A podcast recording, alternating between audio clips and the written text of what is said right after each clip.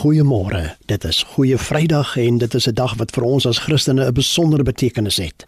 Mag vandag se erediens dan ook in die teken staan daarvan dat ons eer bring aan Hom, Jesus Christus die Here, wat aan die kruis op Golgotha gesterf het.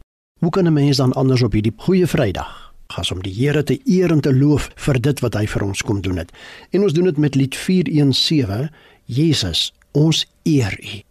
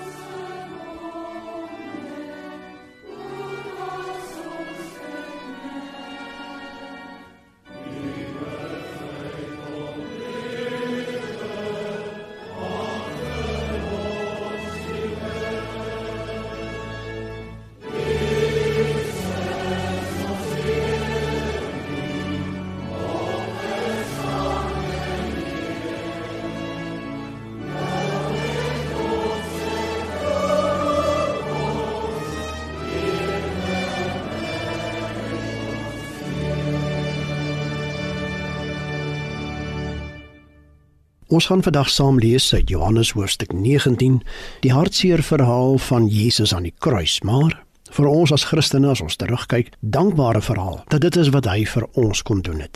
Maar voor ons lees, kom ons bid net eers saam. Hemelse Vader, dankie dat ons op 'n dag soos hierdie vir U Vader kan sê. Net soos Jesus daar aan die kruis gedoen het, toe hy ook sy lewe, sy gees aan U oorgegee het en gesê het Vader in U hande gee ek my gees oor. En dit alles sodat ons kinders van God kan wees, dat ons aan U kan behoort en dat ons deur U Gees vandag nog kan lewe, ook in die gees van Paasfees kan lewe in die wete ons Here Jesus Christus het kom lê, het gesterf, maar het ook opgestaan en hy lewe vandag en hy gee vir ons elkeen die lewe, die ewige lewe wat nooit ophou nie. Sien ons dan nou saam in hierdie paar oomblikke as ons rondom u woord stil word, dat ons sal hoor wat u vir ons op hierdie goeie Vrydag wil sê. In Jesus se naam. Amen. Ons lees Johannes 19 vanaf vers 17. Jesus het self sy kruis gedra en uitgegaan na die Kobbeenplek toe, soos dit genoem is in Hebreëus Golgotha. Daar het hulle hom gekruisig en saam met hom twee ander, een aan elke kant, met Jesus in die middel. Pilatus het ook 'n opskrif geskrywe en dit aan die kruis gesit. Daar het geskrywe gestaan: Jesus van Nasaret, die koning van die Jode. Baie van die Jode het hierdie opskrif gelees omdat die plek waar Jesus gekruisig is naby die stad was. Die opskrif was in Hebreëus, Latyn en Grieks. Die priesterhoofde van die Jode het toe vir Pilatus gesê: "Moenie skrywe die koning van die Jode nie, maar skrywe hy het gesê ek is die koning van die Jode." Pilatus het vir hulle gesê: "Wat ek geskrywe het, het ek geskrywe." Toe die soldate Jesus dan gekruisig het, het hulle sy boklere gevat en dit in 4 dele verdeel, vir elke soldaat 'n deel. Hulle het ook sy onderkleed gevat. Dit was sonder naad van bo af in een stuk gewewe. En hulle sê toe vir mekaar: "Ons moenie dit skeur nie. Kom ons loot wie dit moet kry." Dit het gebeur sodat die skrif vervul kon word waar dit sê: "Hulle het my klere onder mekaar verdeel en vir my kleed het hulle geloot."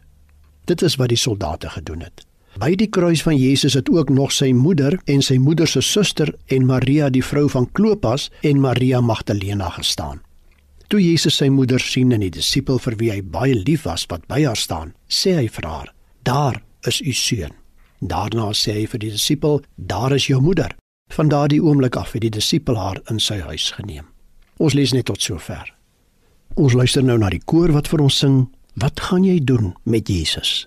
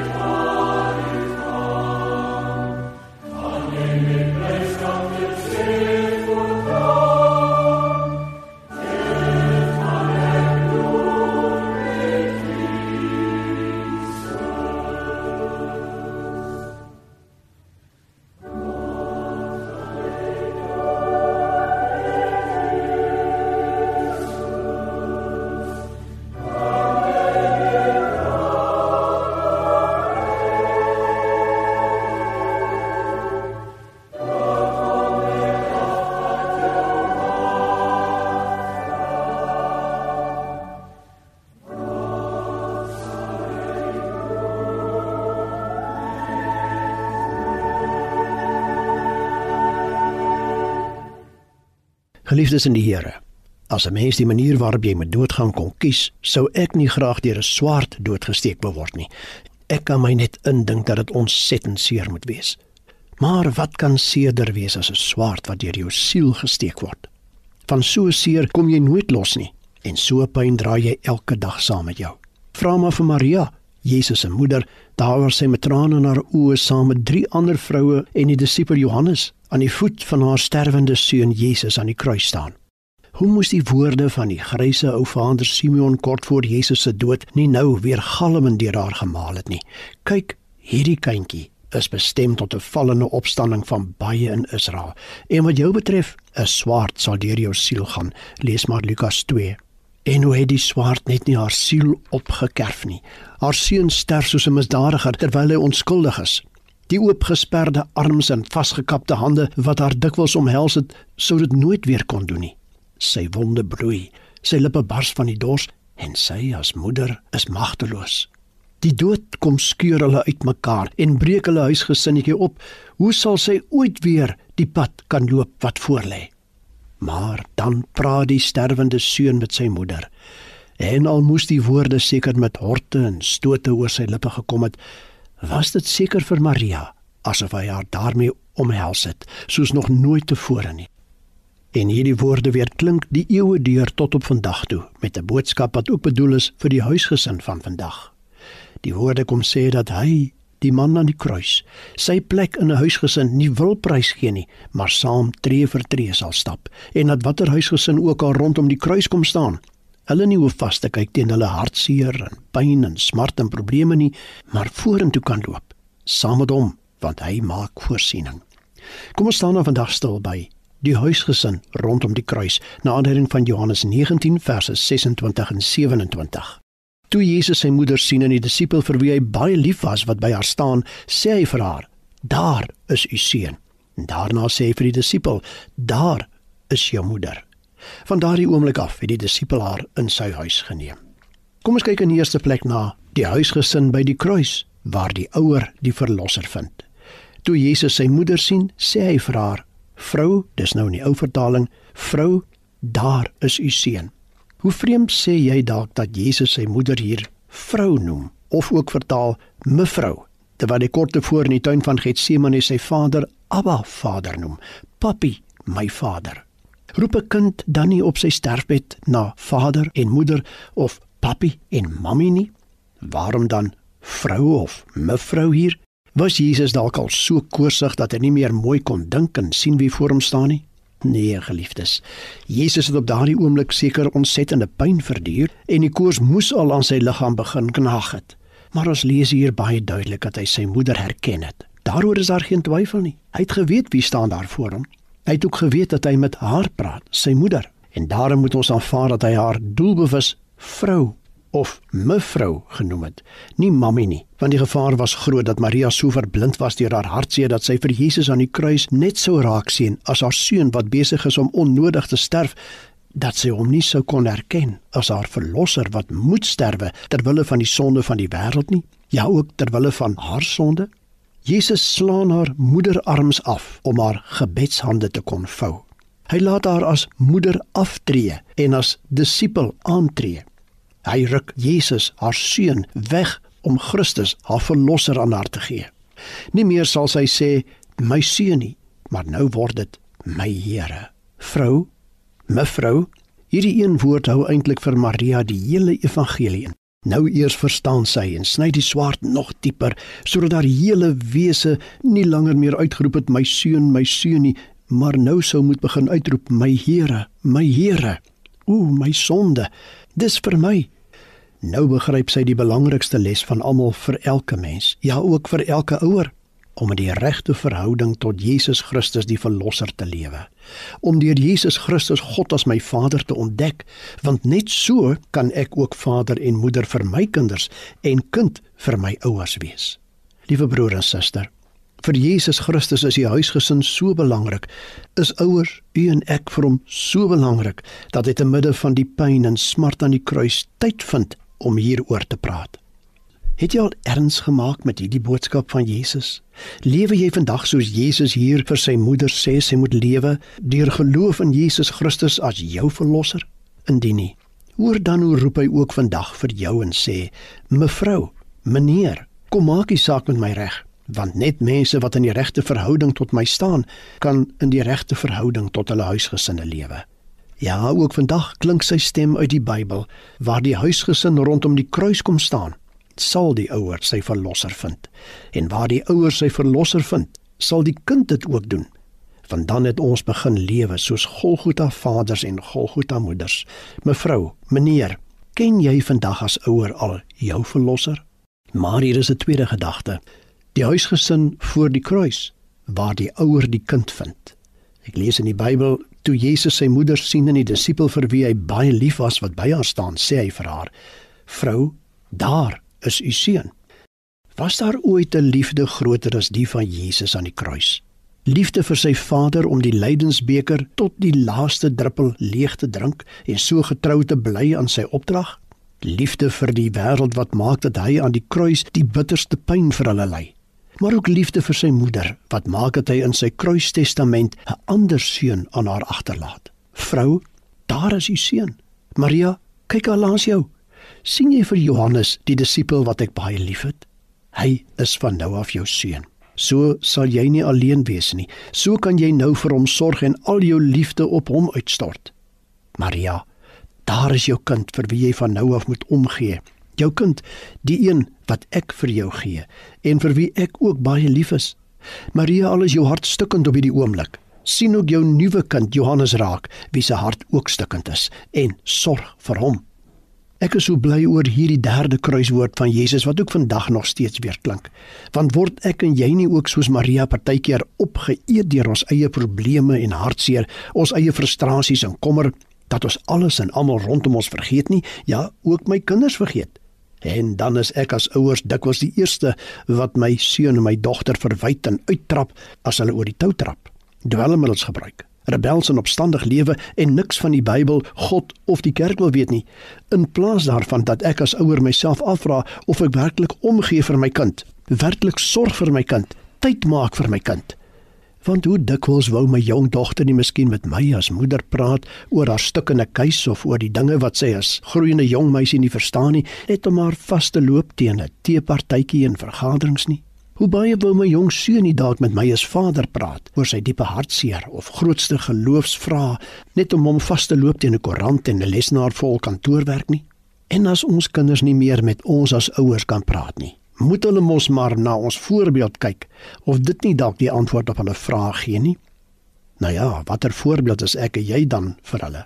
Is dit nie dalk baie maal maar die ouers se skuld dat daar 'n kloof tussen ouer en kind is nie? Kom ons as ouers gaan staan dan vandag by die kruis van Jesus op Goeie Vrydag. Hy wat vir ons sê, mevrou, meneer, daar is jou seun, jou dogter. Kom ons draai dan ons koppe vandag en kyk op nuut na ons kinders. Geskenke van God aan ons, maar sy eiendom wat hy aan ons toe vertrou. Seuns en dogters wat deur die Here bemin word en aan jou en my gegee word om op te pas en te versorg en lief te hê en groot te maak tot sy eer. So aan die voet van die kruis sal die ouer sy kind weer vind en nie toelaat dat enigiets in die pad sal staan tussen hom as ouer en hulle as kinders nie. Maar kom ons kyk aan die derde plek na, die huisgesin aan die voet van die kruis waar die kind die ouer vind. Ek lees hier, daarop sê Jesus vir die disipel, daar is jou moeder. Ook vir Johannes, die kind, word daar voorsiening gemaak in Jesus se kruistestament.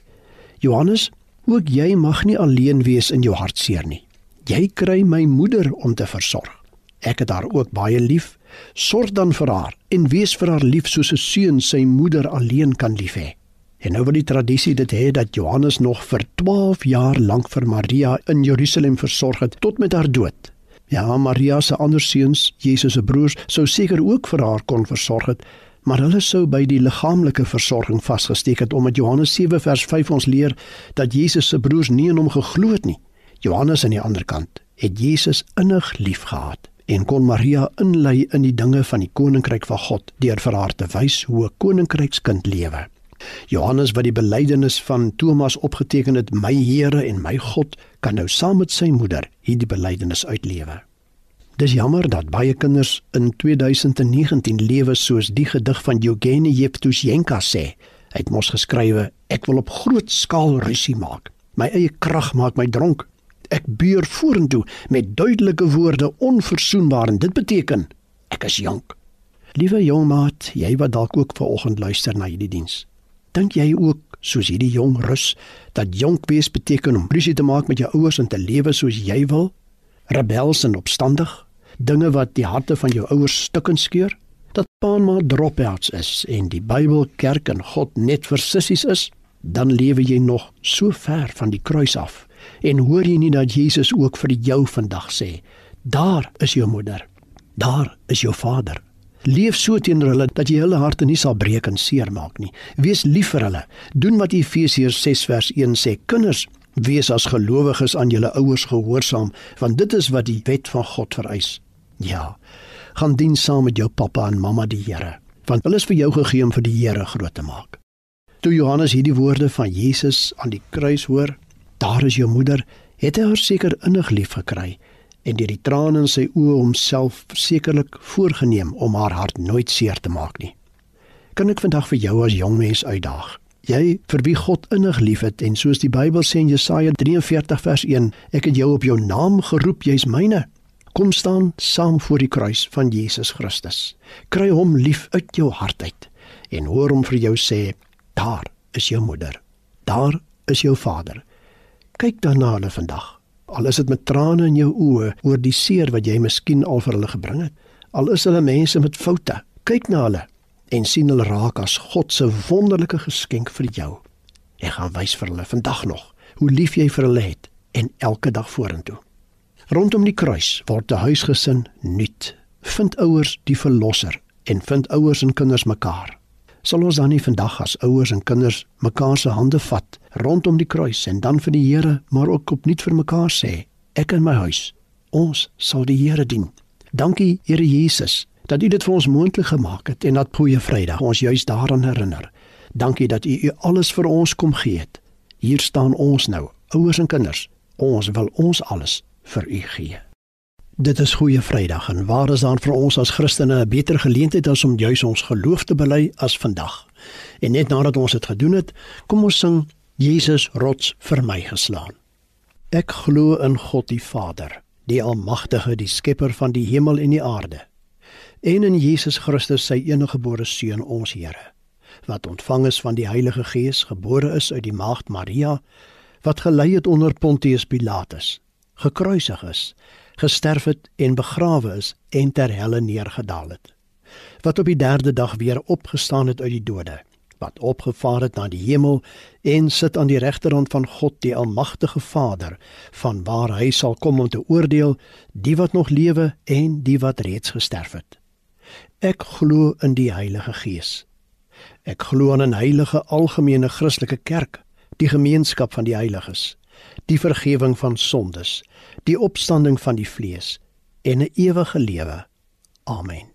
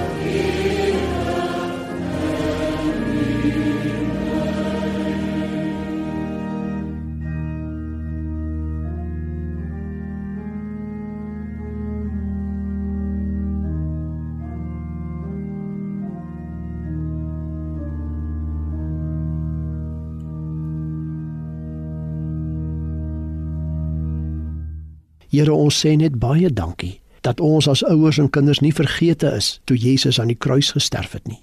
Dankie Here Jesus dat U met nuwe oë na Maria en Johannes gekyk het en hulle vir mekaar gegee het as 'n gesinnetjie om mekaar lief te hê en op te pas. En dankie dat U ook beloof het, U sal hulle en ook vir ons nooit alleen laat nie, want U het mos gesê ek is by julle al die dae tot aan die einde van die wêreld. En as jy wysheid kort kom, vra dit by my. Ek gee sonder om te verwyd. Hier staan ek en my gesin dan vandag, Here, voor U. Neem ons, reinig ons, gee ons liefde vir mekaar. Help ons om mekaar op te pas en mekaar nooit langs pad in die steek te laat nie en dra vir ons elke dag van die pad vorentoe. Ons eer U in Jesus Christus se naam. Amen. Kom ons sing weer saam die 219. Laat ons sing van ons verlosser. Kom ons sing al drie die verse daar.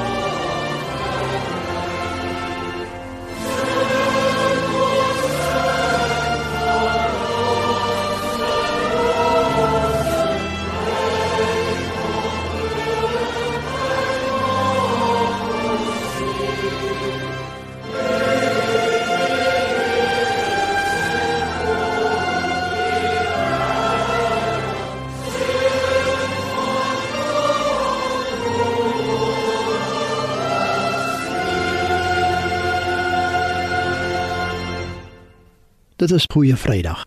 Gaan geniet dan hierdie dag met vreugde in jou hart en met die seën van die Here, die genade van die Here Jesus Christus en die liefde van God en die gemeenskap van die Heilige Gees bly met julle elke ene. Amen.